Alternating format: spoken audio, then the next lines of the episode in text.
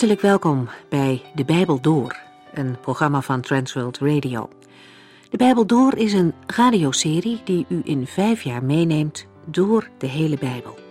Van Genesis 1 tot Openbaring 22.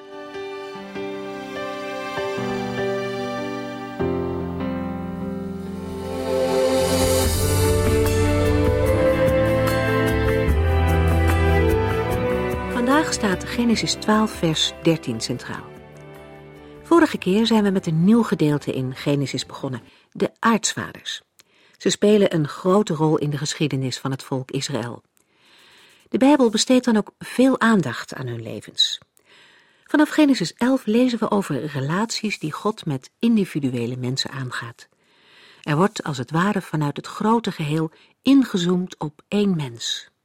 Het begint met Abraham. Een man die de geschiedenis ingaat als een man van geloof. Omdat Abraham God geloofde, was hij rechtvaardig voor God.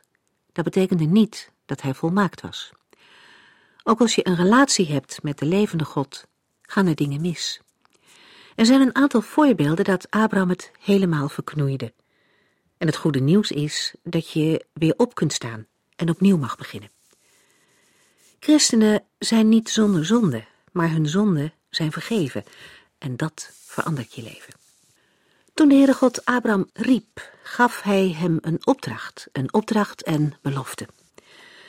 God heeft zoveel goeds voor ons in petto, maar hij vraagt daarvoor wel vertrouwen van ons. Abraham moet zijn land verlaten, op weg gaan naar een nieuwe omgeving. En God belooft dat hij de weg zal wijzen. Niet vooraf, maar gaandeweg. En om dan te gaan, moet je je opdrachtgever wel vertrouwen. Abraham deed dat en God heeft zijn geloof niet beschaamd. Integendeel, hij beloofde Abraham dat hij de vader van een groot volk zou worden. En dat is gebeurd. Het Joodse volk bestaat in deze tijd nog steeds. En na zoveel eeuwen en ondanks hevige vervolgingen zijn de nakomelingen van Abraham gebleven. Ook de belofte dat Abraham tot een zegen voor andere volken zou worden is uitgekomen. Hij is de verre voorvader van Jezus Christus, de redder van de mensen. En als derde is er de landbelofte.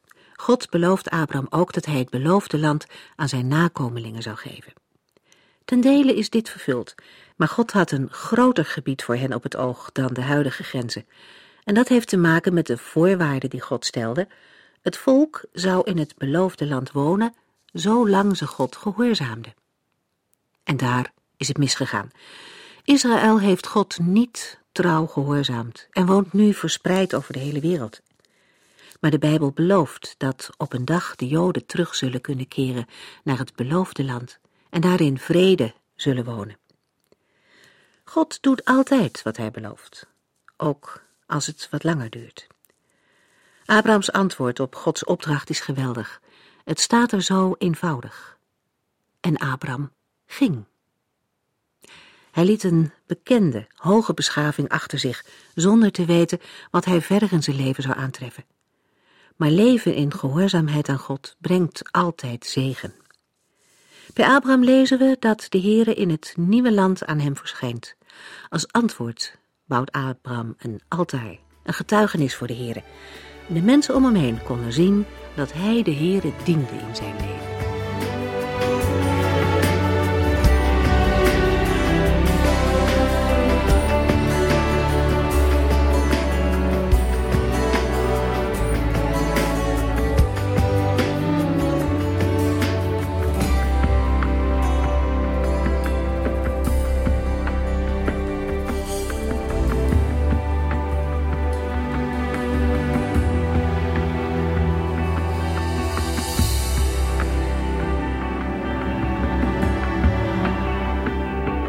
Abraham gaat naar Egypte. Was dat wel echt een goed plan? We hebben vaak ook allerlei plannen. Maar waren ze allemaal goed? Een bekend lied zegt: God wijst mij een weg. Helaas vraagt de mens van nature niet naar de weg van God.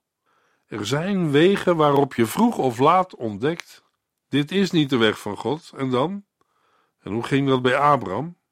De vorige keer lazen we in de Bijbel Toen ze de grens van Egypte naderden, begon Abraham zich zorgen te maken. Hij zei tegen zijn vrouw Sari: Je bent een knappe vrouw. Als de Egyptenaren jou zien, zouden ze mij wel eens kunnen doden om jou te krijgen. Genesis 12, vers 12. Stel dat wij Abraham hadden ontmoet toen hij op weg was naar Egypte. Wat hadden we kunnen vragen? Nou, misschien dit. Abraham, wacht eens even. Je gaat de verkeerde kant op. Je moet in dit land blijven. God heeft je hier toch naartoe gestuurd. Wat denkt u, had Abraham geantwoord? Nou, hij had kunnen zeggen: Ik kan hier niet meer blijven. Kijk maar, mijn schapen krijgen te weinig voer. Ze worden mager. Er is hier niet genoeg te eten voor ze. Maar in Egypte wel. En daarom gaan wij erheen. Een heel begrijpelijke reden om weg te trekken. Maar, zoals later zal blijken, het was niet de weg van God, maar een eigen gekozen weg van Abraham, ingegeven door de omstandigheden van dat moment. Een zware hongersnood.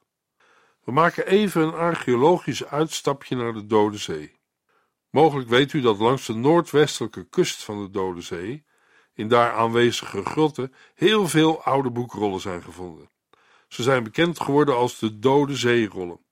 Aanvankelijk dachten kritische wetenschappers dat ze boekrollen hadden gevonden met bewijzen dat de Bijbel niet waar was. En later bleek dat er wel veel nieuwe informatie is gevonden, maar geen materiaal dat de Bijbel tegenspreekt. Om een voorbeeld te noemen, onder de rollen waren een aantal die niet konden worden uitgerold. Ze waren zo lang opgerold geweest dat ze in kleine stukjes uiteenvielen.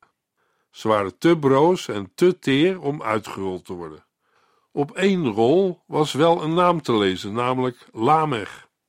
En de vondst kreeg de naam de boekrol van Lamech of het boek van Lamech. In de kerkgeschiedenis bekend geworden onder de groep apocryfe of deuterocanonieke boeken. Nader onderzoek heeft aan het licht gebracht dat dit niet de juiste naam was voor de boekrol. Wetenschappers onderzochten de boekrollen. Experts maakten de rol vochtig totdat het materiaal verweekte. Daarna kon de rol worden ontrold. En toen bleek dat de rol vier hoofdstukken van Genesis bevatte, namelijk Genesis 12 tot en met 15. De tekst was niet precies gelijk aan de Bijbeltekst, maar een interpretatie. In het gedeelte dat over Genesis 12 gaat, wordt verteld hoe mooi Sarah was. Hetzelfde wat we over haar in de Bijbel lezen. Op dezelfde boekrol wordt de beschrijving gegeven van de reis van Abraham door Canaan. We lezen in Genesis 13, vers 17 dat God tegen Abraham zegt: Doorkruis dit land in alle richtingen, dan zult u zien wat ik u allemaal ga geven. Dit reisverslag over de reis van Abraham door Canaan bevestigt het verslag dat we in de Bijbel lezen. Canaan was een prachtig en vruchtbaar land. Als we dezelfde streek vandaag bezoeken, dan zullen we niet direct tot die conclusie komen dat het een erg vruchtbaar land was. Uit het Bijbelboek Deuteronomium weten we ook de oorzaak van het verval. Daarover later meer. Maar in de dagen van Abraham was het een prachtig land. Blijkbaar kwamen er toch perioden van honger voor. En in zo'n periode verliet Abraham Canaan en ging naar Egypte. Maar toen Abraham bij de grens van Egypte kwam, bedacht hij dat hij er wel eens problemen zou kunnen krijgen wegens het feit dat zijn vrouw Sari een mooie vrouw was. En daarom zei Abraham tegen haar, Genesis 12, vers 13: Je bent een knappe vrouw. Als de Egyptenaren jou zien, zouden ze mij wel eens kunnen doden om jou te krijgen. En daarom kun je beter zeggen dat je mijn zuster bent, dan zullen de Egyptenaren mij goed behandelen ter wille van jou. Voordat Abraham Egypte binnentrekt, maakt hij een afspraak met Sarai, zijn vrouw. Abraham veronderstelt dat vreemdelingen in Egypte geen recht hebben. Later komen we een gelijksoortige situatie tegen in de geschiedenis met Abimelech in Genesis 20, vers 11. De uitdrukking zouden ze mij wel eens kunnen doden in vers 12 is een voorafschaduwing van wat later met de nakomelingen van Abraham zal gebeuren. Ook de Israëlieten gaan naar Egypte. Ook zij zijn bang voor de dood en ervaren dan de trouw van God. Ze worden met geschenken uitgeleide gedaan. Vanwege de vele overeenkomsten is deze geschiedenis van Abraham en Sarai niet zomaar een interessante bijzonderheid in hun leven. Nee, het is opgeschreven voor het nageslacht, opdat zij zouden weten hoe Gods handelen is. Volgens Genesis 20, vers 12 is Sarai de halfzuster van Abraham, maar zij is ook zijn vrouw. En Abraham is bang dat de machtige bewoners hem zullen doden, zodat ze met zijn vrouw kunnen trouwen. Abraham bedenkt een list. Laat Sarai zeggen dat ze de zuster van Abraham is. Maar deze list van Abraham was wel een halve leugen. Een halve leugen is soms erger dan een hele. Abraham had zeker de bedoeling om te bedriegen. Waarschijnlijk heeft Abraham ermee gerekend dat hij, als broer van de bruid, het recht heeft om de onderhandelingen te voeren. Daarmee kan hij ervoor zorgen dat de onderhandelingen lang genoeg duren totdat de hongersnood in Canaan voorbij is. De verwachting is dan dat ze tijdig weg kunnen trekken. Alleen, in dit plan heeft Abraham er niet mee gerekend dat de farao zelf een oogje op Sarai laat vallen. De angst van Abraham blijkt gegrond. De farao neemt Sarai op in zijn harem. Er worden geen uitgebreide onderhandelingen gevoerd. Farao neemt Sarai op in zijn harem en Abraham ontvangt rijkelijk geschenken. Daarmee mislukt het plan van Abraham. Een plan gebaseerd op een halve waarheid en daarmee op een hele leugen. Abraham heeft hierin niet op God vertrouwd en zal dat gaan leren. Hoe komt Abraham uit deze benarde situatie en hoe gaat het verder met Sarai? We weten uit het boek Esther dat het in die dagen de gewoonte was dat er voor een toekomstige vrouw van een koning een periode was waarin ze werd voorbereid op haar nieuwe positie. Dat gebeurde ook met Sarai. Maar tijdens deze periode van voorbereiding lezen we in Genesis 12, vers 17: Maar de Heere stuurde zware plagen over de hele hofhouding, omdat de farao Sarai in zijn harem had opgenomen. En God liet farao weten dat hij Sarai niet tot vrouw mocht nemen. Genesis 12, vers 18 tot en met 20. Toen riep farao Abraham bij zich: Wat hebt u mij aangedaan? Waarom hebt u gezegd dat Sarai uw zuster was, zodat ik haar als mijn vrouw heb genomen? Waarom hebt u mij niet verteld dat ze uw vrouw is? Hoe kon u haar aan mij afstaan door te zeggen dat zij uw zuster is? Neem haar maar terug en vertrek alsjeblieft. Begeleid door een gewapend escorte werd Abram en zijn vrouw met al hun bezittingen het land uitgezet. Het is rijk om te zien dat God zelf de levens van Abram en Sarai bestuurde. De Heere zorgt er zelf voor dat zijn beloften toch vervuld worden, ook al lezen we niet dat God in Egypte aan Abram is verschenen. Eigen inzichten en oplossingen hebben Abram niet geholpen. Er is redding van God nodig. We gaan verder met het volgende hoofdstuk, Genesis 13. We lezen er van de terugkeer van Abraham en zijn gevolg uit het land Egypte. En Abraham en ook Lot keren terug naar het beloofde land. Zo verlieten zij Egypte en trokken weer noordwaarts naar de Negev. Abraham, zijn vrouw, Lot en alles wat ze bezaten. Abraham had veel vee, zilver en goud. Genesis 13, vers 1 en 2. Abraham was steenrijk hij zal zeker bij de miljardairs van die dagen hebben gehoord. Genesis 13, vers 3. En ze trokken net zo lang in noordelijke richting tot ze bij hun oude kamp tussen Bethel en Ai kwamen. Abraham ging naar een plaats ver ten noorden van Jeruzalem. Hij was eerst in de buurt van Hebron en nu gaat hij naar Bethel. Genesis 13, vers 4. Het altaar dat Abraham daar had gebouwd, stond er nog. En opnieuw aanbad Abraham daar de naam van de Heere. Abraham was in Egypte gestruikeld en gevallen, maar hij komt weer terug bij God.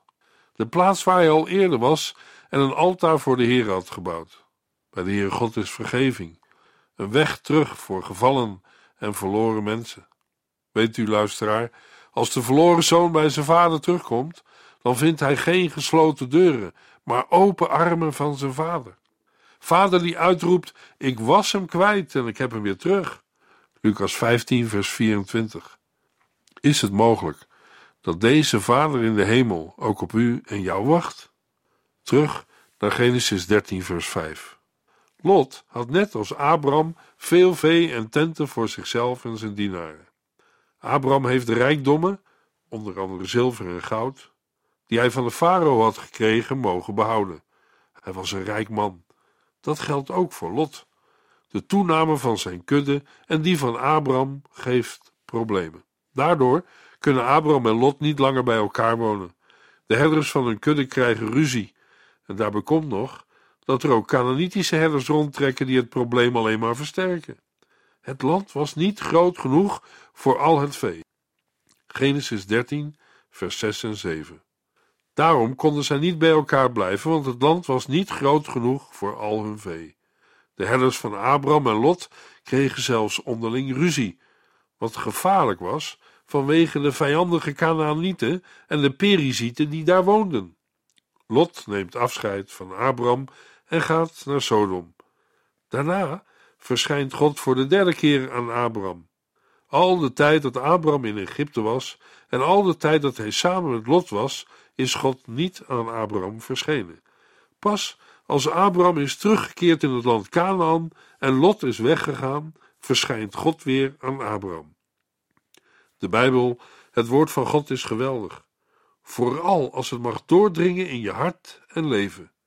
Kijken we naar de geschiedenis van Abraham, dan vallen de volgende twee dingen op. Abraham kreeg in het land Egypte twee dingen waardoor hij later in de problemen kwam. Het eerste is zijn rijkdom en het tweede het Egyptische meisje Hagar. Over haar horen we later meer. Nu gaat het over Abrahams rijkdom.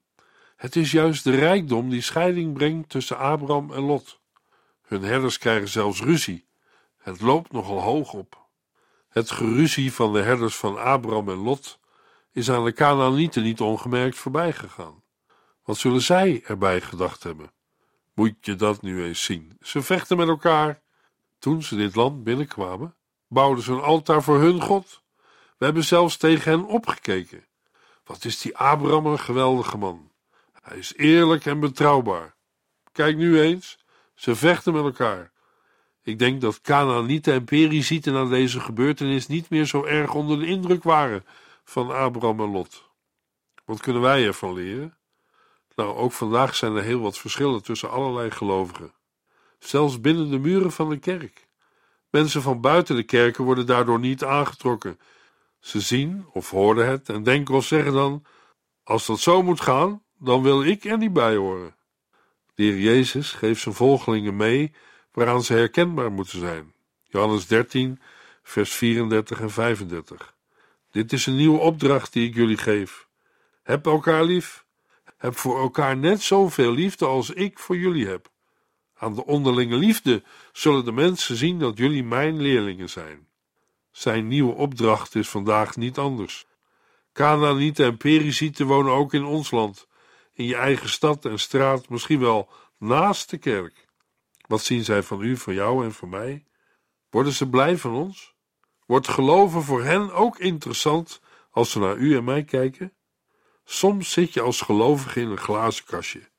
Op zich is dat niet erg. Belangrijk is wel, hoe zit je in dat glazen kastje? Eerlijk, oprecht, ook met fouten en gebreken? Of houden we de schone schijn op? Aan de buitenkant allemaal mooi en prachtig, maar kom niet binnenkijken, want dan schrik je. De wegen van Abraham en Lot scheiden zich. Genesis 13, vers 8 en 9. Abraham besprak het probleem met Lot. Het is niet goed dat wij ruzie maken en dat onze herders met elkaar overhoop liggen, meende hij. We zijn tenslotte familie. Laten we daarom uit elkaar gaan, er is hier plaats genoeg. Als jij een stuk grond in het oosten kiest, ga ik naar het westen. Als jij een plaats in het westen kiest, ga ik naar het oosten. Abraham is de man die een beslissing neemt. Hij was een groot man om het aan de orde te stellen en ook te bespreken met Lot. Abraham stelt zich flexibel en loyaal op. Lot mag het eerste kiezen en dat doet hij. Hij kiest op basis van wat hij heeft gezien, een gebied dat eruit ziet als een paradijs. Abraham vestigt zich in het eigenlijke Canaan en Lot vestigt zich in de steden van die streek. Dat is buiten het beloofde land. Genesis 13, vers 10 tot en met 12. Lot keek goed om zich heen en zag het vruchtbare gebied langs de rivier de Jordaan, met overal genoeg water. Voordat de heren Sodom en Gomorra vernietigde, leek het gebied tot zo eraan toe wel op de hof van Ede of het land Egypte. Daarom koos Lot voor de Jordaanstreek in het oosten en trok hij met zijn vee en zijn dienaren heen. Hij en Abram gingen uit elkaar. Abram bleef in Canaan en Lot vestigde zich in de steden van de Jordaanstreek in de buurt van de stad Sodom. Lot heeft er waarschijnlijk wel een tijdje over gedaan om tot een besluit te komen. Het gras is ergens anders altijd groener. Overhaast beslissen kan bij zulke ingrijpende gebeurtenissen grote gevolgen hebben. Een mens denkt er eerst goed over na. Dat deed Lot ook. Hij zag de groene Jordaanvlakte en hij koos op wat hij zag. Helaas was dat de grootste vergissing van zijn leven. Waarom? Genesis 13, vers 13. Maar de inwoners van dit gebied waren erg slecht en zondigden tegen de Heer. Later zullen we gaan lezen en zien hoe het verder gegaan is met Lot, zijn vrouw en zijn gezin. Nadat Lot was vertrokken, zei de Heer tegen Abraham: Kijk zo ver u kunt naar alle kanten, want al dit land zal ik u en uw nakomelingen geven. Genesis 13, vers 14 en 15. Dit was de derde verschijning van de Heere God aan Abraham. De Heere zei: Al dit land zal ik u en uw nakomelingen geven. Als God weer aan Abraham verschijnt, en ook later bij de andere aartsvaders, dan geeft de Heer ook grenzen aan. In de versen die we net lazen lijkt het ruim aangegeven. Kijk zo ver u kunt naar alle kanten. Maar het laat vooral zien dat wat God belooft niet iets theoretisch is, maar reëel en werkelijk. Ik zal u zoveel nakomelingen geven dat ze net als het stof van de aarde niet kunnen worden geteld. Genesis 13, vers 16. De God wijst het land aan en vertelt Abraham wat hij zal ontvangen. Een groot nageslacht, ontelbare nakomelingen. En dat gebeurde ook. Genesis 13, vers 18. Abraham sloeg zijn kamp op bij de eikenbossen van Mamre, in de buurt van Hebron, en bouwde daar een altaar voor de Heere. Abraham was een bouwer van altaren. Overal waar hij was geweest had Abraham een tastbaar bewijs achtergelaten. Mensen hebben zelfs een voetafdruk op de maan achtergelaten en ook een vlag met de woorden: Wij zijn in vrede gekomen. In geestelijk opzicht heeft de mens op de maan niets achtergelaten. Geen Bijbel, het woord van de levende God. Als je er verder over nadenkt, was dat ook niet nodig. Maar het denken dat er achter zit, of dat wat er juist niet achter zit, is wel belangrijk. Abraham dacht anders dan de meeste mensen in zijn tijd. Het denken van Abraham werd bepaald en beheerst door de God die hij mocht dienen. Abraham bouwde een altaar voor de Here. Dat was belangrijk voor hem. Abraham sloeg zijn kamp op bij de eikenbossen van Mamre in de buurt van Hebron en bouwde daar een altaar voor de Here. Een van de betekenissen van Mamre is rijkdom en Hebron betekent samenleving. Als je deze twee betekenissen aan elkaar verbindt, dan is het een geweldige plaats om te wonen en te leven. Een plaats van welstand en samenleven met God. Abraham heeft er gewoond en hij is er ook begraven. Hoofdstuk 13 is nu afgerond. We gaan verder met Genesis 14. In hoofdstuk 14 wordt voor het eerst een oorlog beschreven. Een militaire actie waarbij Abraham zijn neef Lot bevrijdt. We vinden er ook de vermelding van de eerste priester die Abraham zegent, Melchizedek. Deze twee zaken zijn heel belangrijke gebeurtenissen. Op het eerste gezicht zou je zeggen dat beide gebeurtenissen niet passen in de beschrijving van de geschiedenis van Abraham. Hadden ze niet gewoon kunnen worden weggelaten? Nee, dat had niet gekund. We zullen ontdekken dat deze belangrijke gebeurtenissen niet weggelaten kunnen worden. Genesis 14, vers 1 en 2. Het was oorlog. Koning Amrafel van Siniar, koning Arjoch van Elazar, koning Kedor Laomer van Elam en koning Tidal van Goim streden tegen koning Bera van Sodom, koning Birsa van Gomorra, koning Sinab van Atma, koning Sem-Eber van Sebuim en de koning van Bela, ook wel Soar genoemd. Waarom al die namen? Wat moet je ermee? Om te beginnen geeft het aan dat we met een historisch verslag te maken hebben. Namen en plaatsen die terug zijn te voeren naar reële gebeurtenissen en personen in de geschiedenis. De eerste versen beschrijven dat de koningen uit het oosten de koningen van Sodom en Gomorra hebben verslagen. In het verleden hebben critici beweerd dat de genoemde koningen nooit hebben bestaan en niet zijn teruggevonden in de oude geschiedenis. Maar Latere opgravingen hebben aangetoond dat deze koningen wel degelijk hebben geleefd en bestaan. In Genesis 14 vinden we voor het eerst in de Bijbel een vermelding van een oorlog. Dat wil niet zeggen dat voor die tijd nooit ergens een oorlog zou hebben plaatsgevonden. Maar deze oorlog wordt hier vermeld omdat het van belang is in de geschiedenis van Abraham. De aanleiding is de wegvoering van Lot, de neef van Abraham. Hij werd gevangen genomen. Genesis 14, vers 3 en 4. De laatsten mobiliseerden hun legers en kwamen samen in het dal van Silim, waar tegenwoordig de Dode Zee is. Ze waren twaalf jaar lang onderworpen geweest aan koning Kedor Laomer. En nu, in het dertiende jaar, kwamen zij in opstand. De koningen uit het oosten kwamen in opstand tegen Sodom en Gomorra. Deze koningen hadden blijkbaar al eerder gevochten, omdat we hebben gelezen, ze waren twaalf jaar lang onderworpen geweest aan koning Kedor Laomer. En nu, in het dertiende jaar, komen de koningen in opstand. In de volgende verse, 5 tot en met 11, lezen we het verslag van de veldslag. De vijf koningen van vers 2 gaan naar het dal Silim. Aan het eind van vers 3 staat waar tegenwoordig de Dode Zee is. De bedoeling is te zeggen, daar waar nu de Dode Zee ligt, was vroeger een vlakte, het dal Silim. Op grond van geologisch onderzoek is bekend dat het noordelijke gedeelte van de Dode Zee al bestond, lang voor de verwoesting van de vier steden in Genesis 19. Het zuidelijke gedeelte is ondiep en daar kan in de tijd van Abraham het dal Silim gelegen hebben. Een geringe waterdaling zorgt voor het ontstaan van vlakten met asfaltputten. Bitumen, pek, asfalt wordt gevormd op de bodem van de Dode Zee. Het kan losraken en komt dan bovendrijven. In een tablet dat in Epla is gevonden, wordt het genoemd als een zeer kostbaar product. Het werd gebruikt als metselspecie, maar ook bij het biezenmandje waarin Mozes lag en om schepen waterdicht te maken. Daarnaast werd het gebruikt bij het balsemen van overleden mensen. Asfalt uit de Dode Zee is in Egypte gevonden. Asfalt werd, net als zout, geëxporteerd naar andere landen. Op grond daarvan moeten de vijf steden erg rijk zijn geweest. Het verslag eindigt met Genesis 14, vers 11. En, voor deze uitzending, wij ook. De overwinnaars plunderden Sodom en Gomorra en namen alle waardevolle dingen mee.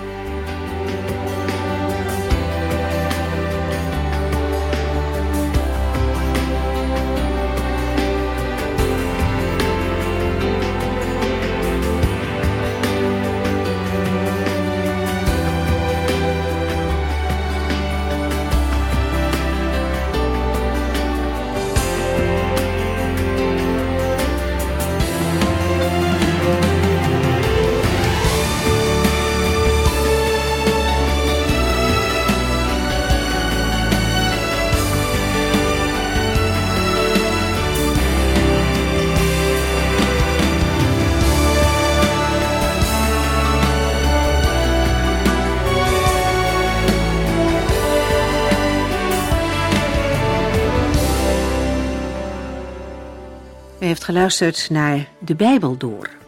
In het Nederlands vertaald en bewerkt door Transworld Radio. Een programma waarin we in vijf jaar tijd de hele Bijbel doorgaan. Als u wilt reageren op deze uitzending of u heeft vragen, dan kunt u contact met ons opnemen. Tijdens kantooruren kunt u bellen op 0342 47 8432. 0342 47 8432. 32. Ook kunt u een e-mail sturen naar de Bijbel door transworldradio.nl en natuurlijk kunt u ook via de post ons bereiken. TWR, postbus 371, postcode 3770, AJ in Barneveld. Dit programma werd gepresenteerd door Cor Weda en Ike André. Techniek was in handen van Odin van Woerdekom. En wij allemaal bedanken u voor het luisteren. Graag tot de volgende keer.